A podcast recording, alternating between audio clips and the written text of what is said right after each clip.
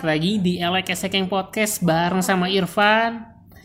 Di sini saya lagi sama seorang teman, Eh, lagi-lagi penyiar lagi nih. Jadi setelah kemarin saya udah bareng sama temennya juga ya, Kemarin sama sama TV dia, Oh sama TV dia. sama TV Iya. dia pernah bareng-bareng di sebuah radio.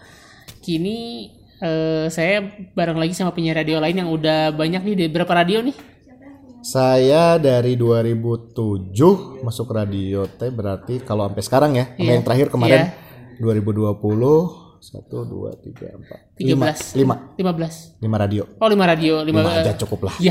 lima aja cukup lah lima aja tapi Iya. kalau kalau perjalanan kalau perjalanan di radionya berarti dari 2007 Iya. sampai sekarang teh berarti berapa belas tahunnya 13. 13 13 tahun. 13 tahun Oke, jadi ini dia Pajar Zulfikar atau biasa dipanggil panggil Pajar Zul. Fajar Zul Iya. yes. Eh, kalau misalkan tahu ya eh, teman-teman eh, nama Pajar Zul ini mungkin gak asing ya. Apalagi orang orang Bandung mah udah kenal di Aduh. podcastnya si Memaung. Ya sekarang jadi jadi podcaster juga. Di podcaster juga eh, lumayan lumayan populer endorsean mulai banyak yang masuk ya sekarang ya. Alhamdulillah. Itulah makanya ya saya suka di sini di dunia di dunia broadcasting, di dunia podcast Nah. gitu ya. Ini juga kalau misalkan dulu kan karena saya ya sama Fajar ini eh, rekan di sebuah media juga. Sekantor ya kita ya dulu pernah ya. pernah sekantor walaupun gak lama ya tapi kita silaturahmi masih terus panjang sampai Harus, sekarang harus. Eh, di emailnya tuh Fajar ini kasih namanya penjual suara penjajah suara apa sih Penjual suara. penjual suara Penjual suara. emang gimana emang penjual suara teh kumaha sih Nah, ya. Ini nih mungkin kalau kita tarik ke belakang ya gitu. Kayak beberapa profesi yang eh apa ya? Asetnya adalah suara ya Hmm. atau komoditi yang dijualnya adalah suara selalu identik dengan penyanyi. hmm Iya iya kan? iya iya iya iya Iya, saya juga mikirnya ketika penjual suara itu Iya. identiknya langsung oh vokalis nih. vokalis band gitu Iya, ya benar-benar. atau eh, penyanyi solo gitu. Memang yang dijualnya komoditas utamanya adalah suara. Hmm. Tapi ternyata ada loh profesi-profesi lain juga yang eh, bahan jualannya adalah suara, asetnya adalah suara. Misal penyiar radio, iya ya kan penyiar radio eh, aset utamanya atau komoditinya suara. Terus eh, komentator misal iya gitu ya. komentator bola Komentator bola, komentator eh, olahraga lain gitu kan. Sportcaster ya, ah, i- gitu, istilahnya. sportcaster, asetnya juga suara. Terus selain itu sekarang yang lagi rame nih, Iya. misal beberapa tahun terakhir ini, setahun atau dua tahun terakhir ini yang lagi rame kayak voice over iya betul atau betul dubber gitu ya, itu juga kan aset atau komoditinya adalah suara juga. betul betul Gitu dan saya main di salah satu atau salah duanya itulah. gitu. Oh, oke oke Terus ada yang bilang katanya, oh eh, penyiar radio misalnya gitu ya, asetnya kan suara. Jadi penyiar radio modelnya modalnya apa sih? Suaranya harus merdu? Oh enggak, gitu. Eh, orang identik dulu, oh penyiar radio mah suaranya bagus-bagus, eh terus gitu. yang Harus yang merdu ya. gitu, kan? Enggak kok, gitu kan? Justru sekarang Iya, berubah iya, ya, iya. berubah. Iya Enggak jadi kok. eh, pernah denger juga kayak ini kayak kalau di Jakarta tuh di Frambors tuh ada Nikta Nikta Gina. Gina kan dia juga mengklaim dirinya saya bukan orang dengan tipikal suara yang enak didengar Iya, gitu ya. benar. Tapi bisa kok jadi penyiar gitu. Ya, karena ada karakter. karakter dan khas yang penting kan gitu ya karakternya dapat terus dia juga khas gitu. Orang mudah mengenali dengan ciri Iya, tertentu ya gitu. Nggak harus merdu. Kalau mau jadi penyanyi iya. Mutlak itu harus merdu dan enak didengar. Kalau buat jadi penyiar radio dia masih bisa menjual suaranya meskipun suaranya nggak merdu gitu. Tapi perlu enak didengar juga. Maksudnya enak Perlu, didengar tuh dalam perlu. artian ya kayak Fajar gini kan suaranya beda ya. Empuk lah ibarat itu. Lunak gitu ya kalau didengar tuh. Ya harus harus harus jadi salah satu syarat lah ya gitu maksudnya kan disesuaikan dengan konten atau programnya juga ya mungkin kalau kayak eh, kita lagi-lagi ambil contoh eh, programnya Prambors ya yang pagi-pagi Desta sama Gina gitu Eh, Desta Gina bukan tipikal karakter suara yang nyaman buat didengarkan malam hari Hmm. ya kan mungkin tim programnya oh Desta Gina mah udah taruh di pagi aja dengan kerameannya dia Iya ya. dengan Kalau misalkan cerewisnya dia gitu ya malam-malam abis pulang kerja denger yang cempreng tuh Ya kan? rudet berennya. rudet gitu beda Tapi kalau misalkan eh, denger Nikta Gina pagi-pagi bikin ceria. bikin ceria kan disesuaikan dengan karakter programnya juga kan gitu ingin yang seperti apa untuk jadi booster di pagi hari kan pas ya gitu orang yang wah semangat serius gitu teriak-teriak apa segala macam teriaknya juga bukan teriak yang wow wow nggak jelas ya gitu. Maksudnya dengan tipikal yang seperti itu kan dibutuhkan juga buat orang buat bangkitin moodnya dia Iya, benar, bangkitin benar, benar, benar. semangatnya dia gitu. Wah pagi-pagi mau ngadepin pekerjaan dengan rutinitas yang sehari-hari biasa di kantor mumet dengan kerjaan tapi seenggaknya kan ada ada hiburan dulu lah begitu ya Iya. pagi-pagi kan mood orang bisa jadi berubah bisa jadi bagus dengan dengan Denger- dengan dengerin denger, iya. itu gitu Seperti Sama-sama sebenarnya Desta sama, Sama. Gina tuh dulunya cempreng. Nah, dari kayak gitu kan gitu. Gitu. Jadi nggak nggak nggak mutlak ya. Ini intermezzo aja bahwa iya. nggak semua penyiar harus punya suara yang merdu. Iya. En- enak didengar oke lah gitu ya. Itu jadi poin plus.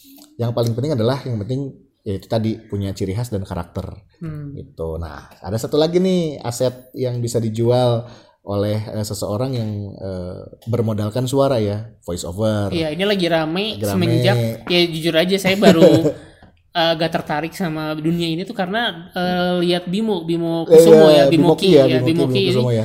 eh, dia eh, di YouTube sih sempet tuh sama Gilang Dirga sama Kristo Immanuel Ah, sama Leila iya, itu iya, bikin iya, eh, bikin podcast, eh bukan bikin ngobrol ya, acara Iya, bikin iya, program iya. ngobrol tentang seputar ini juga Seputar dunia suara, suara lah ya. Jadi di Suara-suara sana nih. ada dia nggak cuma ngundang voice over juga, tapi juga ngundang kayak ya buat sportcaster, komentator Ya, pernah, ya, ya. ngundang Valentino Simanjuntak pernah gitu. Jadi kita jadi lebih banyak tahu nih Ya. dunia tentang eh, suara ini tuh. luas ternyata. Lebih kan. luas ternyata Lebih ya. luas. Kalau Gilang Dirga kan dia lebih ke impersonate ya. Iya, impersonate. Impersonate. Dia mainin suara tapi dia nggak menjual itu untuk eh, kayak nyanyi kan dia ya Gilang, Enggak. Gilang Dirga bisa nyanyi gitu Iya. kan cuman itu nggak nggak dia jual sebagai Tapi itunya lebih ya ke entertain aja sih. Lebih ke entertain kan. Jadi gitu. ketika wah bisa mirip sama Ariel suaranya, Ya, jadinya kita siapa, jadi wah aja siapa, gitu ya. kan untuk untuk konteks entertainment itu masuk lah Iya. gitu kan banyak sih sebetulnya kalau bicara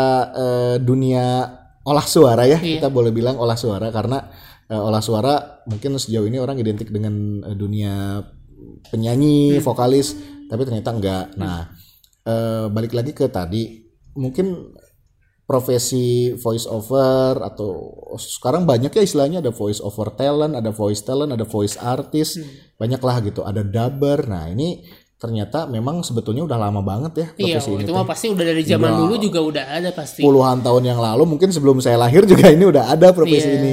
Cuman ya karena situasinya berbeda ya dengan sekarang ya. Orang sekarang eh, dengan dunia apa dengan perkembangan digital yang begitu pesat kan orang akan semakin mudah mengakses dan mendapatkan informasi apa pun. Termasuk ya salah satunya kan ini perkembangan dunia voice over seperti apa.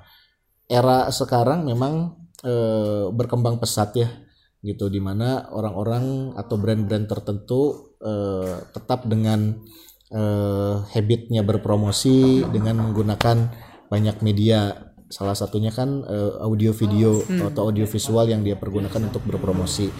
Nah untuk konten audio visual ini tentunya kan selain tampilan secara visual cerita eh, sinematografi dan segala macam menjadi aspek di dalamnya ternyata ada aspek suara juga yang diperlukan narasi atau eh, apa pengisi suaranya seperti apa ini kan akhirnya disesuaikan dan dibutuhkan eh, orang-orang tertentu dengan kemahiran tersebut ya gitu. Orang-orang yang punya keahlian mengolah suara menjadi eh, lebih bagus lagi eh, untuk satu kesatuan di promosi itu ya dengan kemampuannya bisa mengolah suara, dengan kemampuannya bisa menjual produk tersebut ya sebagai representasi brandnya kan gitu. Dia bisa nggak mempresent eh, produk ini bisa nyampe ke masyarakat dengan karakter suaranya dia. Hal-hal seperti itu akhirnya kan menunjang ya gitu untuk kebutuhan promosi sebuah brand. Saya juga sempat tuh ngelihat iklan YouTube terus asa kedenger gitu suaranya suara siapa gitu ya. YouTube Premium. YouTube Premium kan Oh iya. YouTube Music Lupa, pokoknya ada ya. Pokoknya pernah brand bu- bukan oh eh, brand oh kalian suara saya bukan ya? eh, bener ya suara Oh, suaranya suara saya Fajar, tapi eh, brand brand suatu brand. tertentu Eh, Sharp pernah belum? oh Sharp ya Sharp Aquos Bener. handphone Berarti bener tebakan Iya, saya. Sharp Aquos Ya, R3. jadi asa ya karena udah kenal dan udah ser- sering dengar suaranya, kok asa pernah denger ya ini Iya, kayaknya iya, iya, Fajar ini bener bener juga ternyata. Nah, itulah salah satu beberapa brand yang Pernah. suaranya pakai saya gitu. Pernah pernah sama di, di mana lagi? Selain Your Weekday. Banyak ya kalau justru gini nih eh, agak mundur lagi dikit. Eh kalau kayak musik voice over juga sebenarnya banyak genrenya ya. oh gitu. Banyak genrenya. Mungkin sekarang yang rame diperbincangkan kayak Bimo ya kan dia kan lebih lebih sering mengisi ke komersial ya, TVC TVC komersial brand-brand yang beriklan di TV lah gitu. Itu salah satu kalau saya bilang itu salah satu genre juga ya. eh, voice over yang khusus di komersial eh, entah itu di TV atau di radio gitu ya. Tapi ada juga beberapa pengisi suara yang genrenya eh, tidak di situ. Kayak khusus di narasi atau e-learning banyak juga. Eh, atau di eh, karakter. Karakter kan eh, ini udah lama juga ya mainnya ya gitu kan. Dari tahun kapan pun Indonesia yang dulu sering memutarkan film-film luar, kartun, kan ada pengisi suara lokalnya. Iya iya iya. Nah, itu pun kan salah satu profesi juga pengisi suara. Nah, itu Voiceover sama dubber sama nggak sih berarti? Secara garis besar mah sama, tapi dubber itu lebih ke eh, lebih ke mengisi suara yang sudah ada.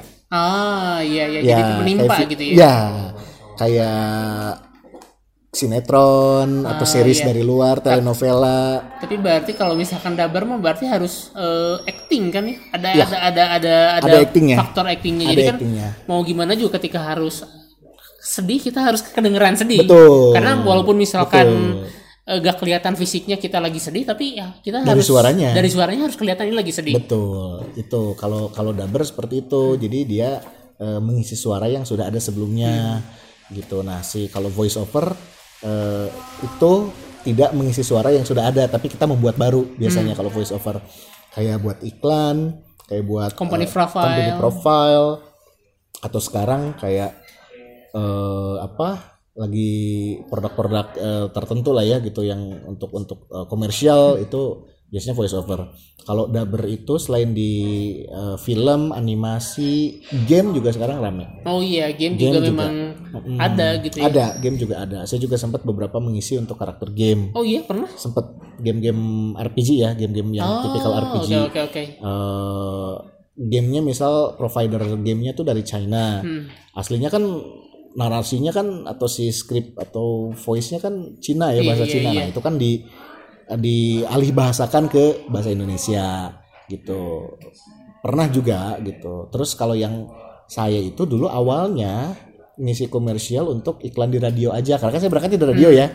Saya berangkatnya di radio. Jadi pertama belajar soal eh, apa voice talent ini teh atau voice over ini memang berangkatnya dari iklan-iklan komersial di radio karena kan pada saat si brand tertentu placement di sebuah media khususnya radio kadang ada iklan yang sudah diproduksi sebelumnya oleh production house kadang ada iklan-iklan yang dibuatkan lagi oleh si radionya nah kalau dibuatkan lagi yang jadi talent untuk mengisi suaranya adalah otomatis kan penyiar-penyiar di situ Iya, iya. jadi Sering saya gitu. eh, jadi saya sering dimintai untuk eh, ngisi di situ untuk iklan apa produk apa gitu. Awalnya dari situ. Eh, makin ke sini kan terlatih mungkin ya gitu Iya. kan karena sebetulnya eh, sesuatu yang beda pada saat saya di radio siaran dan juga ngisi suara iklan. Hmm. kalau ngisi suara iklan di radio kadang juga kita kan sama kayak dubber lagi berakting lagi Iya, gitu. iya. ada karakter yang dimainkan Iya, gitu ya. kadang-kadang kayak gitu. ada karakter yang dimainkan. Jadi harus belajar mendalami karakter gitu mendalami peran saya jadi si bapak A nih si bapak A tuh profesinya apa? Oh harus gini pembawaannya harus gini kan dipelajari lagi gitu. Nah si di radio pun sama pada saat itu tuh gitu kondisinya.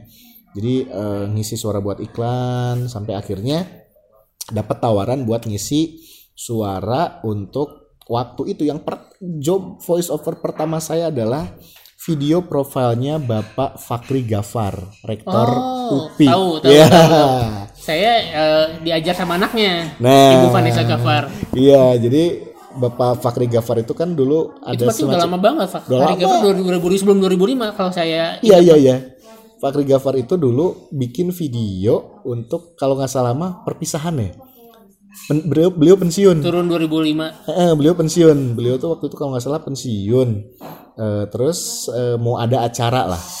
Ada acara untuk eh, apa kayak farewell partinya lah gitu ya. Ada acara perpisahan Pak, eh, Bapak Fakri Gafar. Nah saya tuh waktu itu si klien saya yang pertama adalah eh, yang membuat video profile tentang Fakri Gafar. Jadi si narasinya itu diisi sama saya suaranya itu awal banget saya Itu bisa dipilih kayak gimana caranya? Kalau misalkan kayak sekarang kan Heeh. eh, medium buat eh, personal brandingnya banyak. Ya, bisa dari ya. Instagram, bisa Ya, punya bener. Spotify sendiri, Heeh. eh, YouTube atau yang lain-lain. Tapi Ya, kalau ya, sekarang, eh kalau dulu cara memasarin diri sendirinya gimana? si orang dalam orang dalam Si orang dalam di orang sepak dalam. bola. Via orang dalam ya, Oh, gitu. maksudnya kebenaran yang yang production house-nya adalah teman saya juga Ah, yang eh, apa memproduksi videonya adalah kebetulan temen hmm. dia production house eh, dapat rekomendasi Eh, lagi ny- nyari talent nih ceritanya dia cari talent terus eh, kenal lah eh, beberapa orang yang pernah kerja sama dia eh, bareng project event atau apa dikenalin lah sama saya waktu itu. Waktu itu saya ngemsiin doang buat acaranya dia gitu. Saya ngemsi acaranya dia waktu itu acara di PTDI eh, si teman saya ini yang bagian multimedianya.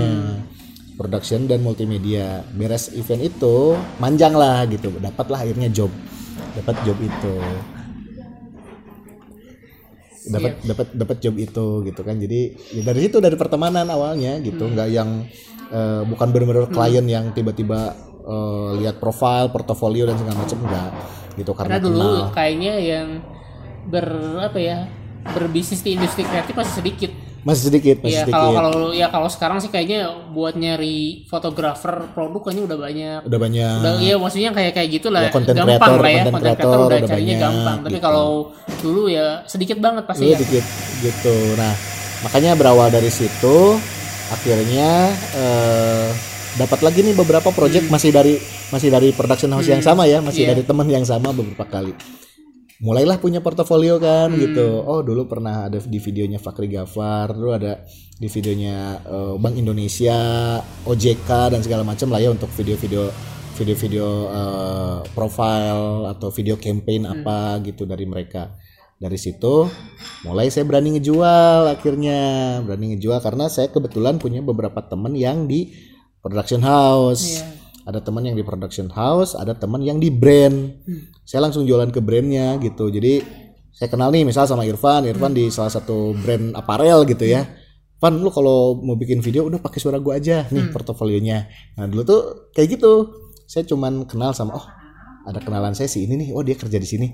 Tolong aja eh ini kalau perusahaan kamu bikin video untuk apa untuk apa pakai suara saya aja gitu. Nih contoh sampel voice-nya yang kemarin udah dikerjain ada ini contoh videonya ada gitu. Jadi kayak gitu dulu masih gerilya seperti itu nggak nggak yang di full jualan di media sosial kayak sekarang ya. Gitu dulu mah awalnya kayak gitu. Nah mulailah dari bergerilya itu teh nyangkut lah.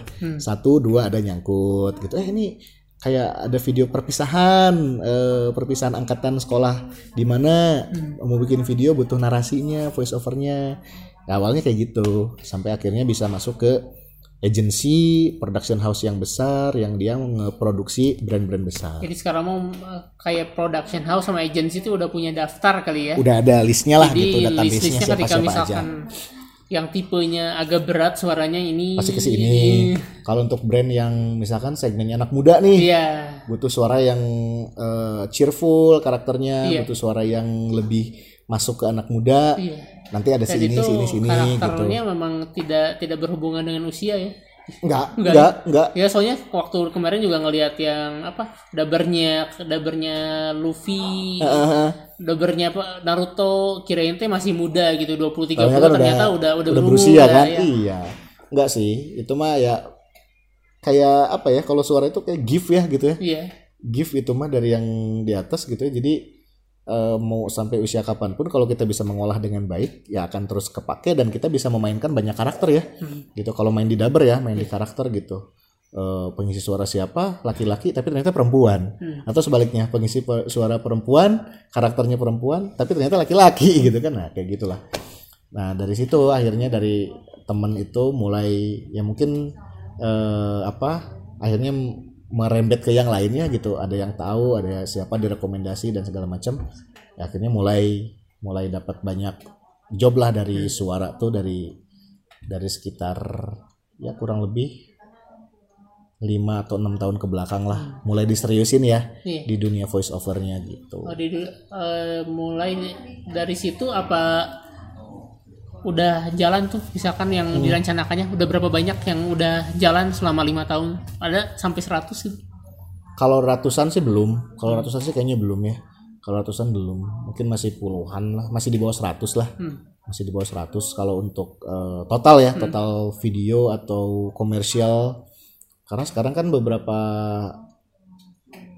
mungkin setahunan terakhir saya banyak ngisi komersial tapi nggak tayang di eh, TV misal atau nggak tayang di YouTube tapi tayangnya cuma di Spotify yang 15 detikan Oh, 30 detikan itu juga banyak Gitu. Ada ya? ada itu ada juga Spotify berarti udah mulai ada buat ya nyisipin iklan ya. Spin iklan ada di Spotify kan suka ada komersialnya nah Tapi itu saya berarti sempat kalau beberapa si kali Spotify itu eh, enaknya ya beda-bedanya sama radio. Kalau radio kan nggak bisa diputar ulang, tapi Spotify itu kita udah pasang sekali ya udah aja jalan bakal didengerin berapa kali gitu. Harganya juga pasti beda gitu. iya iya iya iklannya. kalau Spotify yang nggak premium kan iklannya masih tetap ada ya Iya. Nah, itu jadi saya sempat beberapa kali ngisi suara buat beberapa brand komersial yang tayang di Spotify 15 detikan gitu sekarang sih lagi ramenya gitu jadi eh, karena mungkin habit si brandnya pun sudah eh, tidak jor-joran lagi berpromosi di TV ya sekarang kan medianya banyak ya untuk Hmm. Iya. berpromosi Dan bisa bikin sendiri sebetulnya. bisa bikin sendiri dia in house sendiri nggak usah pakai production house misal tapi dia bis, punya tim sendiri yang bisa create itu juga dia bisa jalan tetap kan bisa jalan dan media untuk mempublikasinya pun kan nggak harus selalu di TV ya bisa di akun Instagramnya sendiri atau dia bikin YouTube channel sendiri dia tayangin sendiri ya satu sisi mungkin si brand tersebut bisa menghemat cost untuk promotion ya Iya, gitu iya, dengan iya. tidak ber tidak ber apa berpromosi di banyak media kan gitu. Nah akhirnya si eh, slot penayangannya pun si iklannya kan sekarang nggak jadi jadi nggak seluas dulu ya. Iya, iya. Kalau dulu mah tayang di TV nasional di Indonesia ada berapa sih? Misalnya ada 20 TV. Dulu mah satu brand A aja bisa pasang di hampir bisa tayang di semua, semua, TV kan. iya.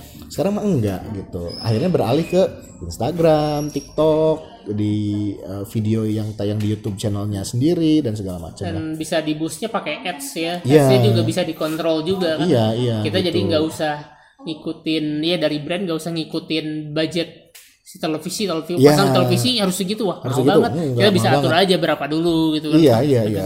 Si brand si brand A aja misal kalau dulu-dulu ya dia bisa punya budget misal 10 m untuk placement di media TV. Sekarang ngapain dia ngeluarin 10 m? Turnovernya juga kenceng banget ya Iya. untuk promosi dulu kan ya.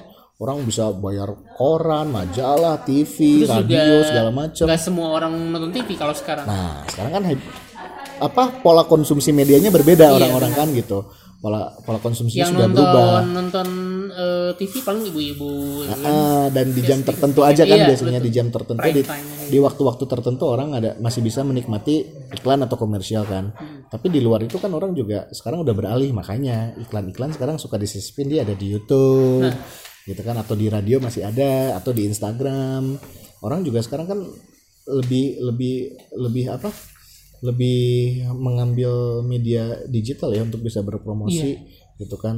Dan slotnya pun audio video pasti dapat ya Iya. gitu. Nggak hanya audio saja dan pasarnya sih aja. pasarnya banyak. Pasarnya ada demandnya masih ada Nah, gitu terus kan. eh, easy ya lebih easy. Heeh, lebih mudah lagi gitu tertarget Terus juga gitu ya. Lebih efisien ya gitu. Iya. lebih efisien juga gitu. Dan eh, peluang bagi seorang voice over talent atau voice talent untuk menjual suaranya Makin di banyak. saat sekarang tuh makin banyak justru gitu. Iya, memang. ada ada aja lah gitu ya pasti ada pasti ada gitu karena kebutuhan itu tadi ya kebutuhan orang makin banyak kebutuhan orang berpromosi nggak Iya. berhenti meskipun medianya tidak hanya selalu di TV yang dipakai Iya. Kalau ke yang TV, lain. di TV mungkin sebenarnya budget iklannya yang gede banget kayaknya ya. Ya, Kalau sekarang mungkin budget iklannya gede. eh, si budget itu udah mulai agak beralihnya di diproduksi gitu ya. Ya. Bisa menghemat yang lain dan Bener, tapi ya udah aja mendingan eh, banyak bikin video sendiri gitu kan. bener. Publish sendiri, Bikin sendiri. terus juga misalkan sekarang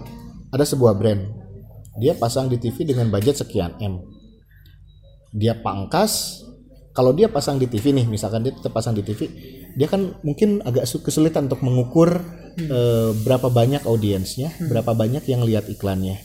Tapi pada saat dia pasang di Facebook ad atau di Instagram ad atau di mana, jejak digitalnya kan sekarang mah gampang Iya, ya, iya, gitu kan.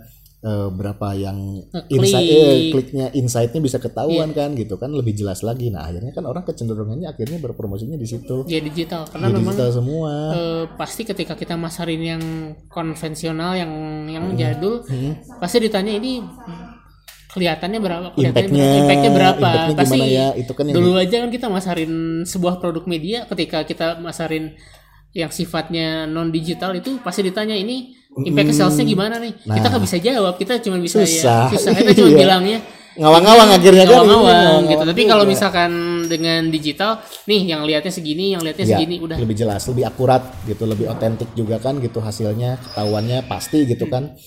Bahkan kita bisa menentukan kalau setelah itu ya kita mau nyasar market yang mana, kita mau nyasar ses yang mana, kita mau nyasar gender dan juga demografik yang seperti apa kan sekarang lebih lebih Iya, lebih enak mudah, ya, lebih lebih mudah. dan peluangnya untuk kita para talent talent suara teh untuk bisa tetap eksis memang sangat terbuka lebar gitu.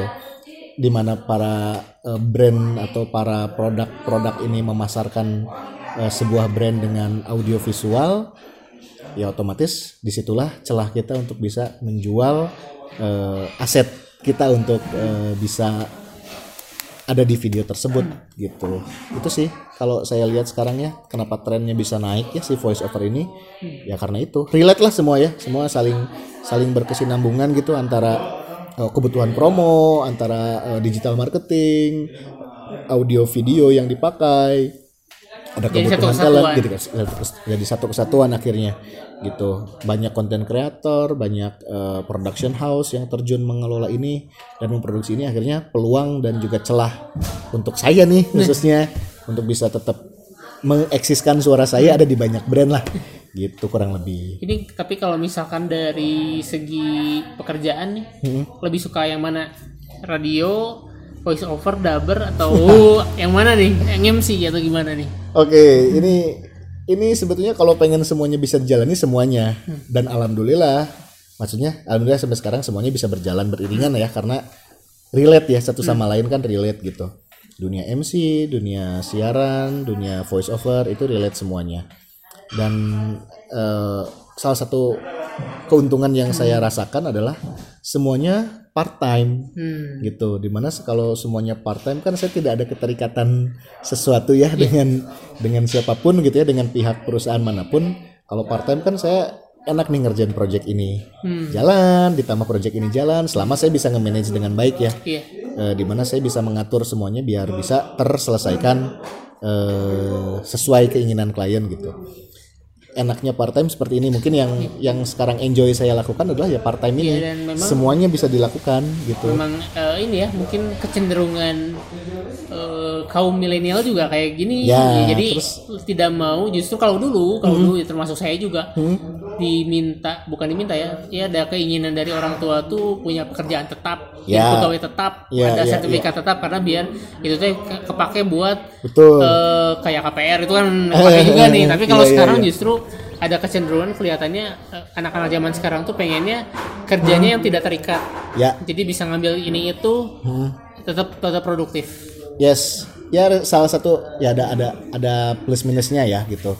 Mungkin minusnya itu ya kita nggak punya penghasilan tetap setiap bulan eh, kayak pegawai di perusahaan mana atau PNS atau apa kan itu mah udah ketaker ya. Iya. Setiap bulan dia penghasilannya berapa gitu.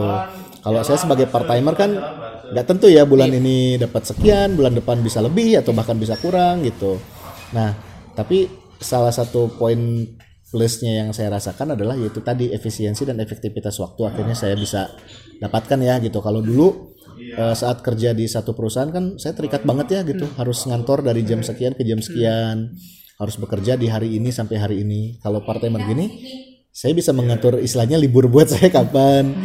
Ada ada ada waktunya saya harus geber kerja, ya gitu kan satu hari saya harus beresin berapa kerjaan voice gitu kan satu hari saya bi- bisa berapa kali main celak main celok ke satu studio dan studio lainnya untuk beresin voice eh, apa eh, take vokal segala macam gitu. Tergantung sih. Capeknya dirasain kadang ya gitu kan. Oh lah kalau lagi orderan banyak gitu ya otomatis kan banyak eh, banyak yang dikerjain dan capek juga sama gitu. Tapi itu kan resikonya ya resiko yang saya ambil. Tapi kalau projectnya udah pada selesai semua kan eh, bisa istirahat, bisa punya waktu istirahatnya nggak kayak pekerja yang lainnya. Orang misalkan bisa libur di Sabtu Minggu, kadang Sabtu Minggu saya tetap kerja tapi saya liburnya dari Senin sampai Jumat gitu, misalnya kayak gitulah. Lebih lebih bisa mengatur Lebih bisa waktu ngatur sih. waktu ya. Eh, kalau saya lebih nyaman, lebih sukanya adalah ya ini kerja seperti part timer ini ya. seperti ini sekarang. kalau misalkan nih ini misalkan voice over sendiri Hmm. ini mah Faj- Fajar rate-nya berapa sih Kalau red voice over itu sebetulnya nggak ada nggak ada Nggak ada- ada, standar standarnya. standarisasinya ya harus berapa berapa berapa. itu dari mana dong kalau gitu menentuin Setiap talent itu pasti punya ini balik lagi ke masing-masing talent sebetulnya. Setiap talent pasti punya punya punya acuannya sendiri ya gitu.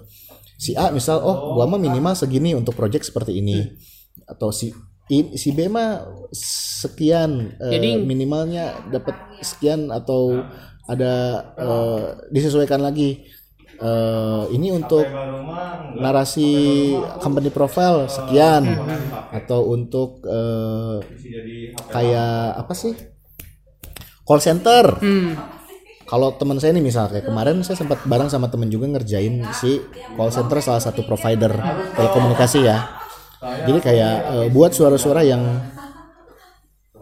untuk berhubung untuk menghubungi customer service tekan nol. Eh, yang otomatis gitu ya. Ah, ya gitu-gitu. Eh, untuk berbicara dengan customer service, tekan satu. Dia cuma ngetiknya kayak satu, dua, press one, press two. Yang itu tuh tapi banyak gitu. Eh, untuk Nomor mengetahui layanan apa. Nah gitu-gitu kan. Kayak gitu. Itu buat buat salah satu provider itu dia ngitungnya adalah per kata. Dia seribu rupiah per kata Oh, seribu rupiah per kata. Nah dia totalin tuh, dia dapat briefnya dari klien waktu itu. Nah saya cerita aja. Dia dapat briefnya, bareng sama saya ngerjainnya. Cuman saya bukan bukan pengisi suaranya, tapi saya terlibat di produksiannya. Eh, si teman saya ini, si voice talentnya, karena kebetulan si kliennya juga ya, si provider warna merah itu, si provider warna merah itu pengen talentnya adalah perempuan. Jadi yang yang sebagai talentnya adalah teman saya dia waktu itu tarifnya adalah buat project itu ya seribu rupiah per satu kata jadi kayak nol satu dua itu per kata itu dia seribu gitu atau eh, tekan apa Ya itulah pokoknya per katanya dia eh, seribu waktu itu dia ngerjain tiga eh, istilahnya bukan apa ya bukan produk juga eh, tiga tiga jenis lah ya gitu. Ada yang buat apa apa apa gitu. Nah si masing-masing ini, masing-masing part kerjaannya dia ini rata-rata 13.000 sampai 15.000 kata. waduh Iya. Eh, yang paling banyak itu di 13.000 kata. Ada yang 13 8.000 ribu kata. kata berarti apa aja itu gimana aja Gak kepikiran gitu Iya, maksudnya itu sampai segitu Kan kita dapat skripnya, kita Oh, dapat skripnya. Kalau di Word atau Excel kan bisa dihitung ada berapa word jumlahnya. Dari paragraf Hmm. tinggal di-delete awal ya. di blok semua ada berapa kata, itu kan bisa dihitung hmm. gitu. Nah, itu dia hitung karena udah kita udah terima skripnya tuh. Ada ada tiga sheet gitu ya, ada tiga sheet gitu skripnya. Di sheet pertama itu ada 8.000 kata, ada yang paling banyak itu di sheet keberapa itu 13.000 kata kalau nggak salah. Ya tinggal dihitung aja. Berarti total-total kan ada 20 waktu itu kalau kalau nggak salah saya totalin ya. Di totalin itu ada sekitar 25.000 26.000 kata lah. kalau 26 ribu mungkin jadi 2 juta 600an mungkin. Bener nggak? Tar tar tar. 1000 1000 dikali 2 26 ribu. 26 ribu? Jadi puluhan juta? Oh, puluhan juta 26 juta. Iya puluhan juta. Wow. juta. Ya kan? Iya, iya. kalau dia ada 26 ribu kata 26 apa 20, 28 ribu kata aja? Iya.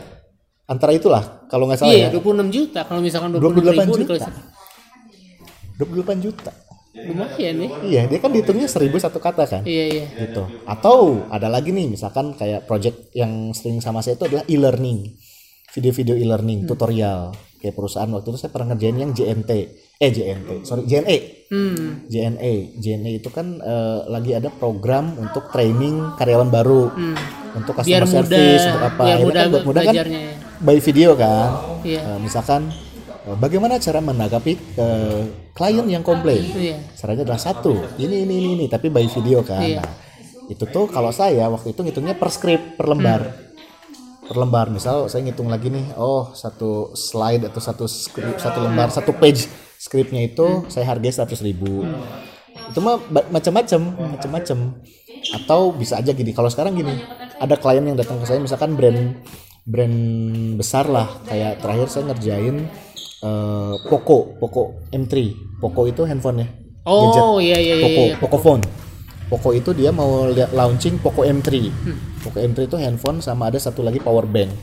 Saya tanya lagi ini iklannya akan tayang di TV atau enggak?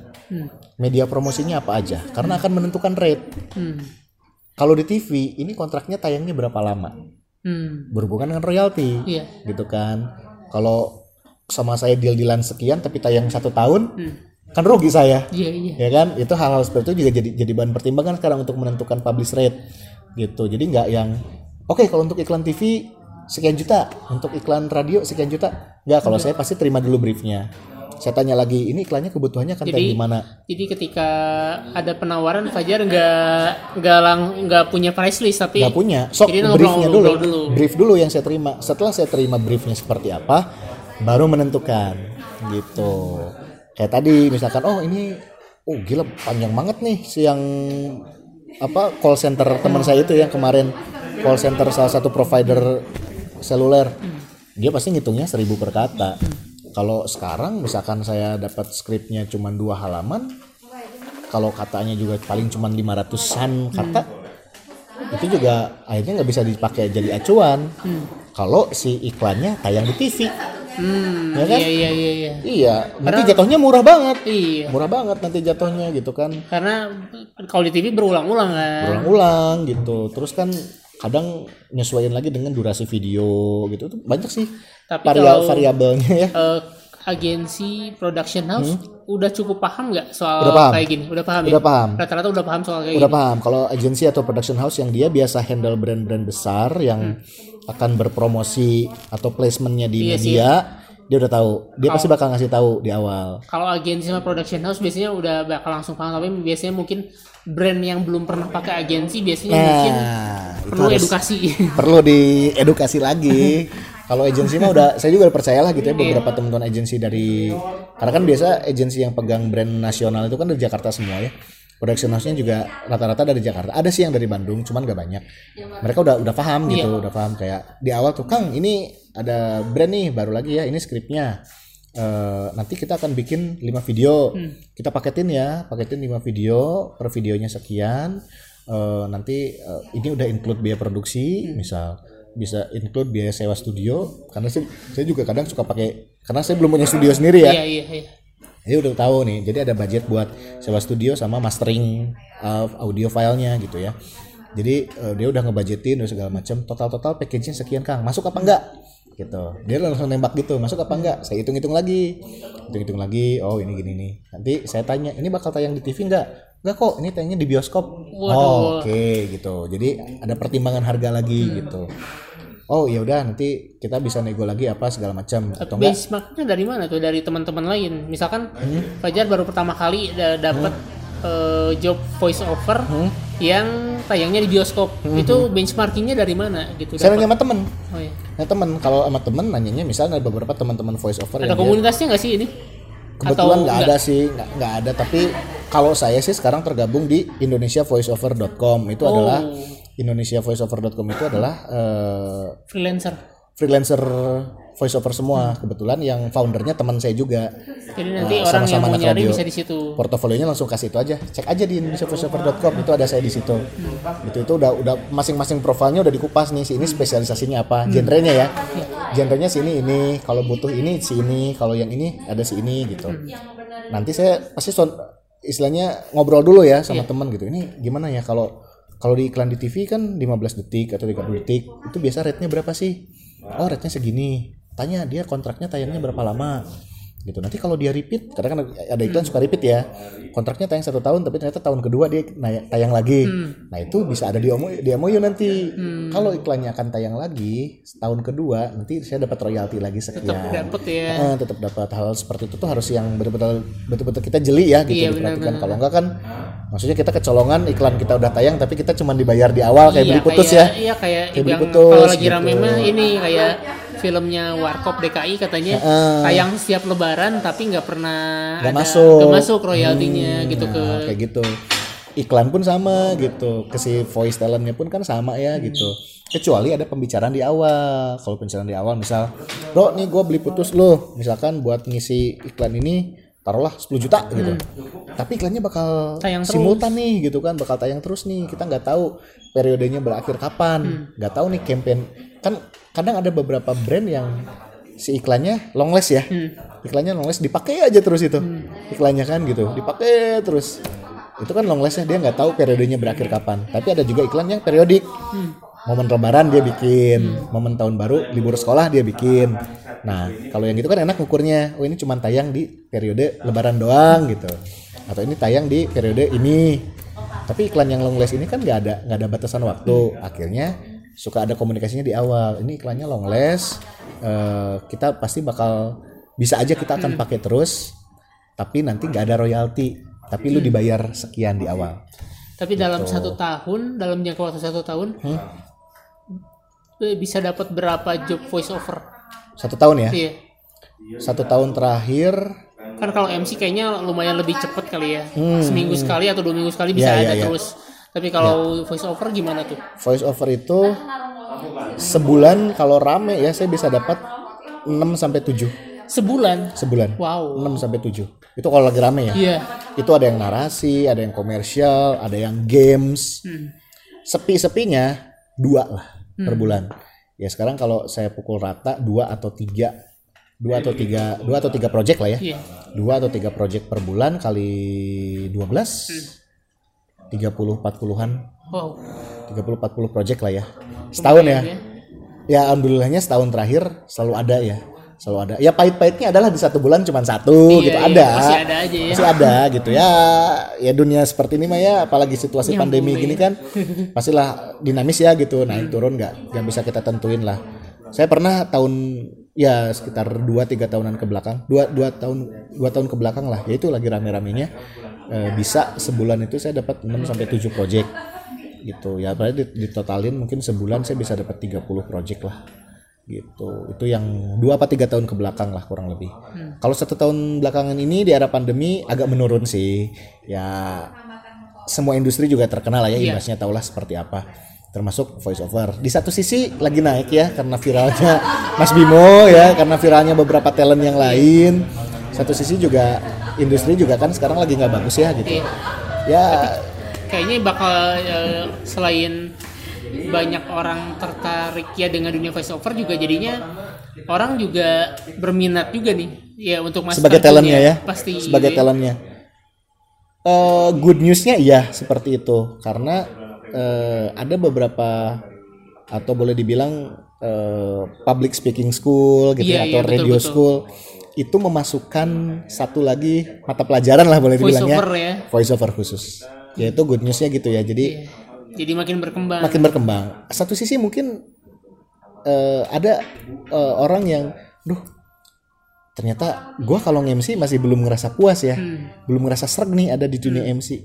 Tapi pada saat dia masuk ke public eh, eh, voice over sebagai public speaker dia masuk ke voice over, dia nemu di situ gitu, nemu passionnya, nemu enaknya di situ, ada gitu. Nah ini mungkin untuk mengakomodir teman-teman yang seperti itu, ya dengan adanya eh, beberapa sekolah broadcasting atau beberapa sekolah public speaking yang dia punya sub eh, keilmuan tambahan ya, yaitu di voice over, ya kabar baik lah gitu. Kita juga bisa eh, mencoba ya gitu, apakah kita memang punya bakat di situ, apakah kita bisa dapat rezeki di situ kan ujung-ujungnya kan gitu. Ya itu jadi satu peluang juga sih, karena gini deh kalau saya bercerita dunia radio gitu ya atau dunia MC banyak kok teman-teman saya penyiar tapi dia nggak nge-MC dia bilang nggak bisa. Atau dia bilang nggak mau oh iya. karena emang bukan karena dia nggak nyaman iya. gitu. Gak suka gitu nggak ya. suka dia nggak nyaman gitu. Dia nyamannya jadi penyiar aja. Udah tok gue jadi penyiar penyiar aja gitu. Ada Iya, juga teman-teman saya yang MC dia MC MC wedding MC event. Tapi dia bukan penyiar radio. Ada loh. Nah begitupun dengan Muncul- dunia munculnya di eh, begitupun di dunia voice over gitu. Ada yang dia memang spesifik ya saya di dunia voice over aja gitu. Kayak daber-daber yang Iya, karakter gitu ya. Karakter yang uh, film kartun apa segala macam kalau saya nonton beberapa tayangan TV yang dia jadi bintang tamunya kan ada yang profesinya jadi guru ada yang profesinya jadi jadi apa ada yang uh, dia uh, karyawan bank atau apa gitu kan. Tapi dia punya kenyamanan dan keseruan tersendiri ya kesenangan tersendiri di di voice over di dubbing gitu. Di sebagai dubber. ya itu dunianya dia gitu. Ya banyak kok orang-orang yang seperti itu gitu. Jadi jangan yang aduh gua gimana ya? Ini tertarik dengan dunia public speaker tapi nggak eh, jadi voice nggak over. jadi nggak jadi voice over oh ada yang lain gitu. Iya masih Atau- banyak ya saya belajar public speaker tapi saya nggak akan di radio deh. Yang penting mah suka dulu ya. Eh, di MC ya udah jalan di MC atau saya lebih suka di dunia voice over ya ada demandnya kok gitu. Iya. ya orang juga ada ada ada peluangnya ya gitu untuk eh, menghasilkan uang. Ya kenapa enggak? Hmm. itu pasti ada lah. Gitu. Seru sih. Seru. Dan eh apa ya waktu kerjanya juga singkat ya gitu. Maksudnya kalau saya ngerjain project voice over itu nggak pernah yang kayak kita kerja kantor seharian gitu kan ya di mana? Enggak sih gitu. Maksudnya eh kerja remote. Ini maksudnya kayak kerja remote ya gitu. Kerja remote kan kalau untuk voice over saya dapat brief saya kerjakan di studio jadi- mana gitu. Oh gitu, jadi Iya. eh, tipenya nggak diundang di ke studio mereka, tapi Iya. eh, ini kasih brief terus cari studio sendiri. Iya, karena saya cari studio sendiri, studio yang nyaman dan proper. Eh, terus juga cari studio yang misalkan dari segi harga bisa rada-rada di goyang lah harga gitu kan kalau udah kenal sama eh, pemilik studionya kan atau punya temen kan lebih enak lagi nego-negonya. Terus kita juga nentuin lagi sih eh, sound engineer-nya, operatornya. Kalau operatornya dia udah paham, udah ngerti, Lebih enak lagi. lebih enak lagi gitu jadi itu kita yang nentuin gitu eh, memang sih kadang ada beberapa eh, yang si brandnya atau si agensinya yang sudah menyediakan. Oh kayak kemarin yang project yang provider merah itu yang kemarin saya sama teman itu dikerjanya di studio langganannya mereka di Jakarta. Karena udah tahu kualitas. udah tahu mereka. kualitasnya udah tahu sound engineer-nya siapa gitu udah tahu hasilnya kayak gimana. Tergantung tapi kebanyakan mereka lempar ke kita. Dia dap- eh, dia ngasih kita brief oke ini akan dibuat video A ini komersial kontennya begini butuhnya adalah voice talent yang seperti ini moodnya seperti ini karakternya harus seperti ini. Itu dia briefnya jelas banget. Baru kita yang menyesuaikan. Oke saya udah dapat talentnya.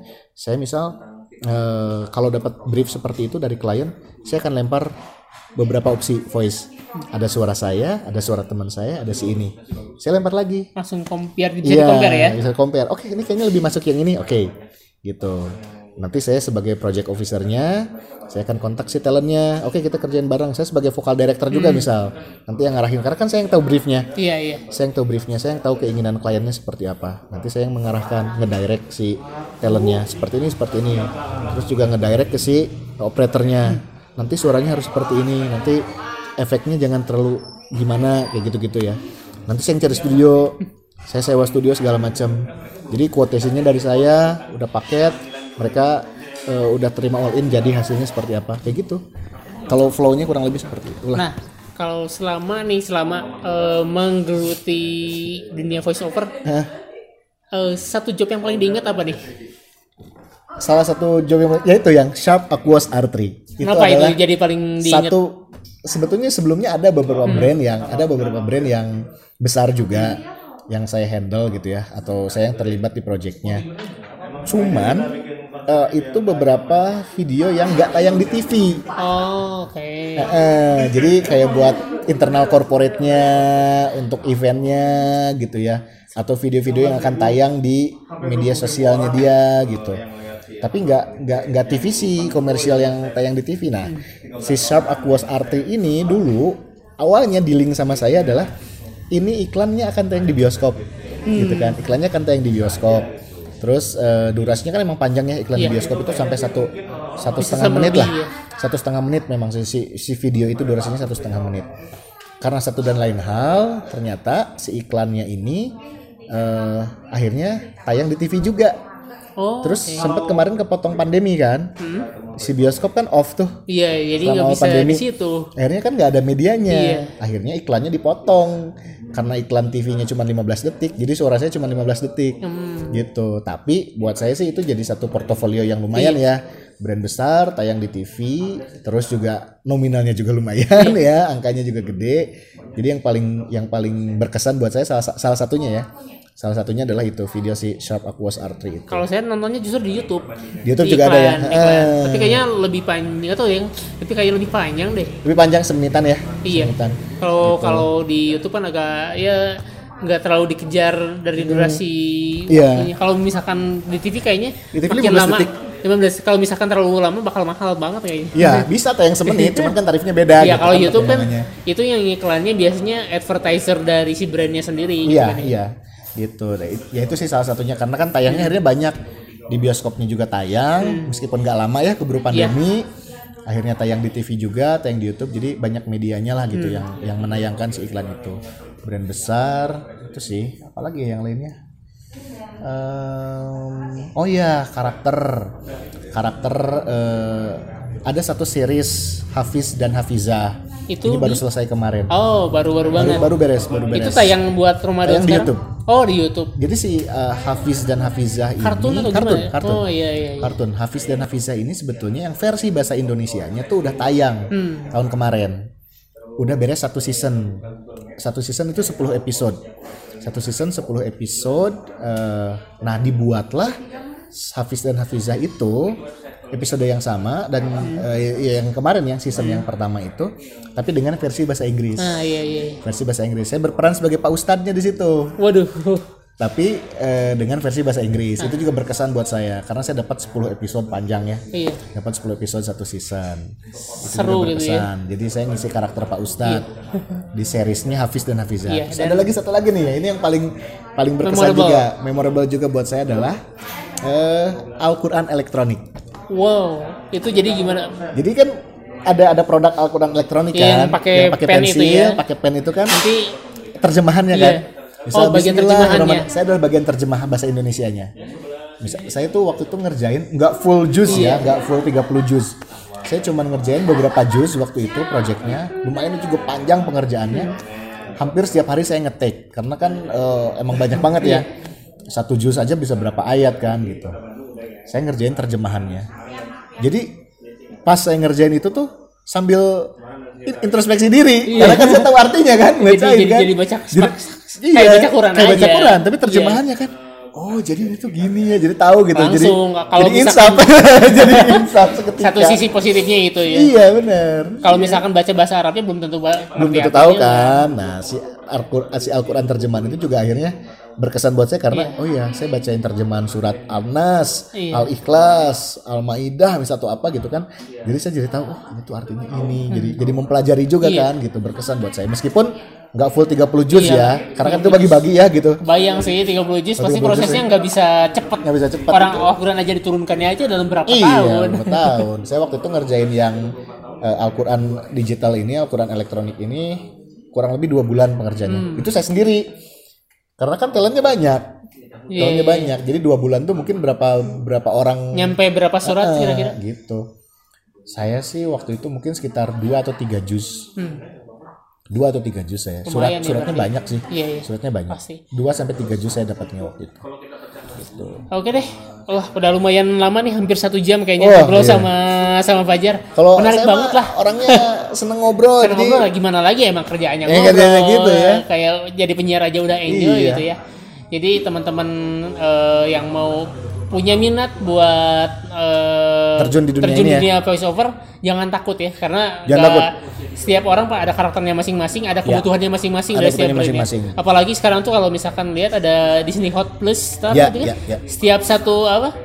eh, eh, tayangan yang mereka tayangin di Indonesia itu di- dikasih terjemahan juga. Benar. Itu jadi membuka peluang juga. Atau gitu gini, ya. simpelnya aja ya, buka Google, cari di situ rekrutmen voice over Nah. atau lowongan voice over. Itu banyak yang lagi cari talent voice over. Part timer, part timer memang. Part-timer ya. Jadi ada beberapa web web kayak apa? Web pencari kerja gitu ya. Iya.